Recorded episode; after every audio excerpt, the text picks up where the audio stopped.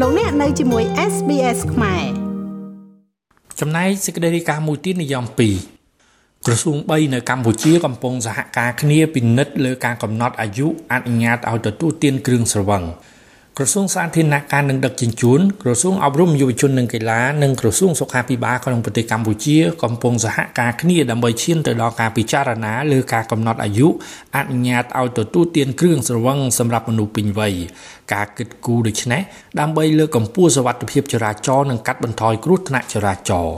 លោកទីសរដ្ឋមន្ត្រីសុនចន្ទថុលរដ្ឋមន្ត្រីក្រសួងសាធារណការនិងដឹកជញ្ជូនបានប្រកាសបែបនេះក្នុងពេលជួបពិភាក្សាការងារជាមួយគណៈប្រតិភូនៃក្រុមប្រឹក្សាធុរកិច្ចសហរដ្ឋអាមេរិកអាស៊ាន ដឹកនាំដោយលោក Michael Michalek អនុប្រធានជាន់ខ្ពស់និងជានាយកគ្រប់គ្រងប្រចាំតំបន់នៃក្រុមប្រឹក្សាធុរកិច្ចអាស៊ានសហរដ្ឋអាមេរិកព្រមទាំងចូលរួមពីលោក Jake Min នាយកគ្រប់គ្រងជាន់ខ្ពស់នៃក្រុមប្រឹក្សាធុរកិច្ចសហរដ្ឋអាមេរិកអាស៊ានប្រចាំកម្ពុជាមីយ៉ាន់ម៉ានិងឡាវព្រមទាំងមានការចូលរួមពីស្ថានទូតអាមេរិកប្រចាំកម្ពុជា និងគណៈប្រតិភូរបស់ក្រុមហ៊ុនធំធំជាច្រើនទៀតកាលពីថ្ងៃទី4ខែឧសភា នៅទីស្តីការក្រសួងសាធារណការនិងដឹកជញ្ជូនកម្ពុជានៅក្នុងរាជធានីភ្នំពេញ។ សូមជម្រាបជូនថាតាមការស្រាវជ្រាវអ្នកដែលស្លាប់ដោយគ្រោះថ្នាក់ចរាចរណ៍ភ ieck ច្រើននៅកម្ពុជា គឺជាយុវជន ដែលកំពុងតែពេញកម្លាំងពលកម្មនិងចូលរួមកសាងប្រទេសជាតិក្នុងនោះការប្រើប្រាស់គ្រឿងស្រវឹងនិងគ្រឿងញៀនគឺជាកត្តាចម្បងដ៏ធំមួយដែលនាំឲ្យមានគ្រោះថ្នាក់ចរាចរណ៍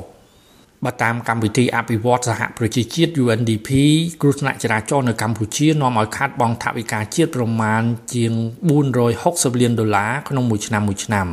គួររំលឹកជូនថាកាលពីឆ្នាំ2015រាជរដ្ឋាភិបាលកម្ពុជាបានធ្វើសេចក្តីព្រាងច្បាប់ស្តីពីការត្រួតពិនិត្យគ្រឿងស្រវឹងដែលមាន11ជំពូកនិង39មាត្រាសេចក្តីព្រាងច្បាប់នេះគឺផ្ដោតទៅលើការដំឡើងពន្ធគ្រឿងស្រវឹងការផ្សាយពាណិជ្ជកម្មការកំហិតកន្លែងលក់និងអាយុអ្នកខ្សែគ្រឿងស្រវឹងជាដើម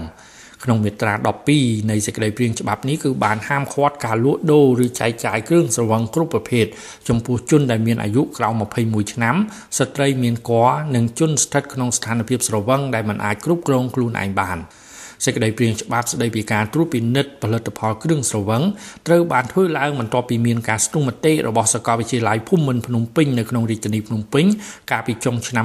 2014រកឃើញថាពលរដ្ឋកម្ពុជារហូតដល់96%សំណុំពរឲ្យរាជរដ្ឋាភិបាលកម្ពុជាមានវិធានការបន្ថែមទៅលើការគ្រប់គ្រងផលិតផលគ្រឿងស្រវឹងចំណែករបាយការណ៍ស្រាវជ្រាវរបស់សម្ព័ន្ធយុវជនដើម្បីឯកភាព និងការអភិវឌ្ឍ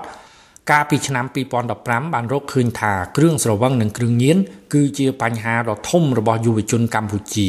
ក៏ប៉ុន្តែច្បាប់ថ្មីនេះត្រូវបានជាប់គាំងហើយត្រូវបានអូសបន្លាយមិនទាន់ចេញយកមកប្រើប្រាស់នៅឡើយទេរហូតមកដល់ពេលនេះខ្ញុំម៉េងផល្លា SBS ខ្មែររាយការណ៍ពីរាជធានីភ្នំពេញចង់ស្ដាប់រឿងរ៉ាវបែបនេះបន្ថែមទៀតទេ ស្ដាប់នៅលើ Apple Podcast Google Podcast Spotify ឬកម្មវិធីដទៃទៀតដែលលោកអ្នកមាន។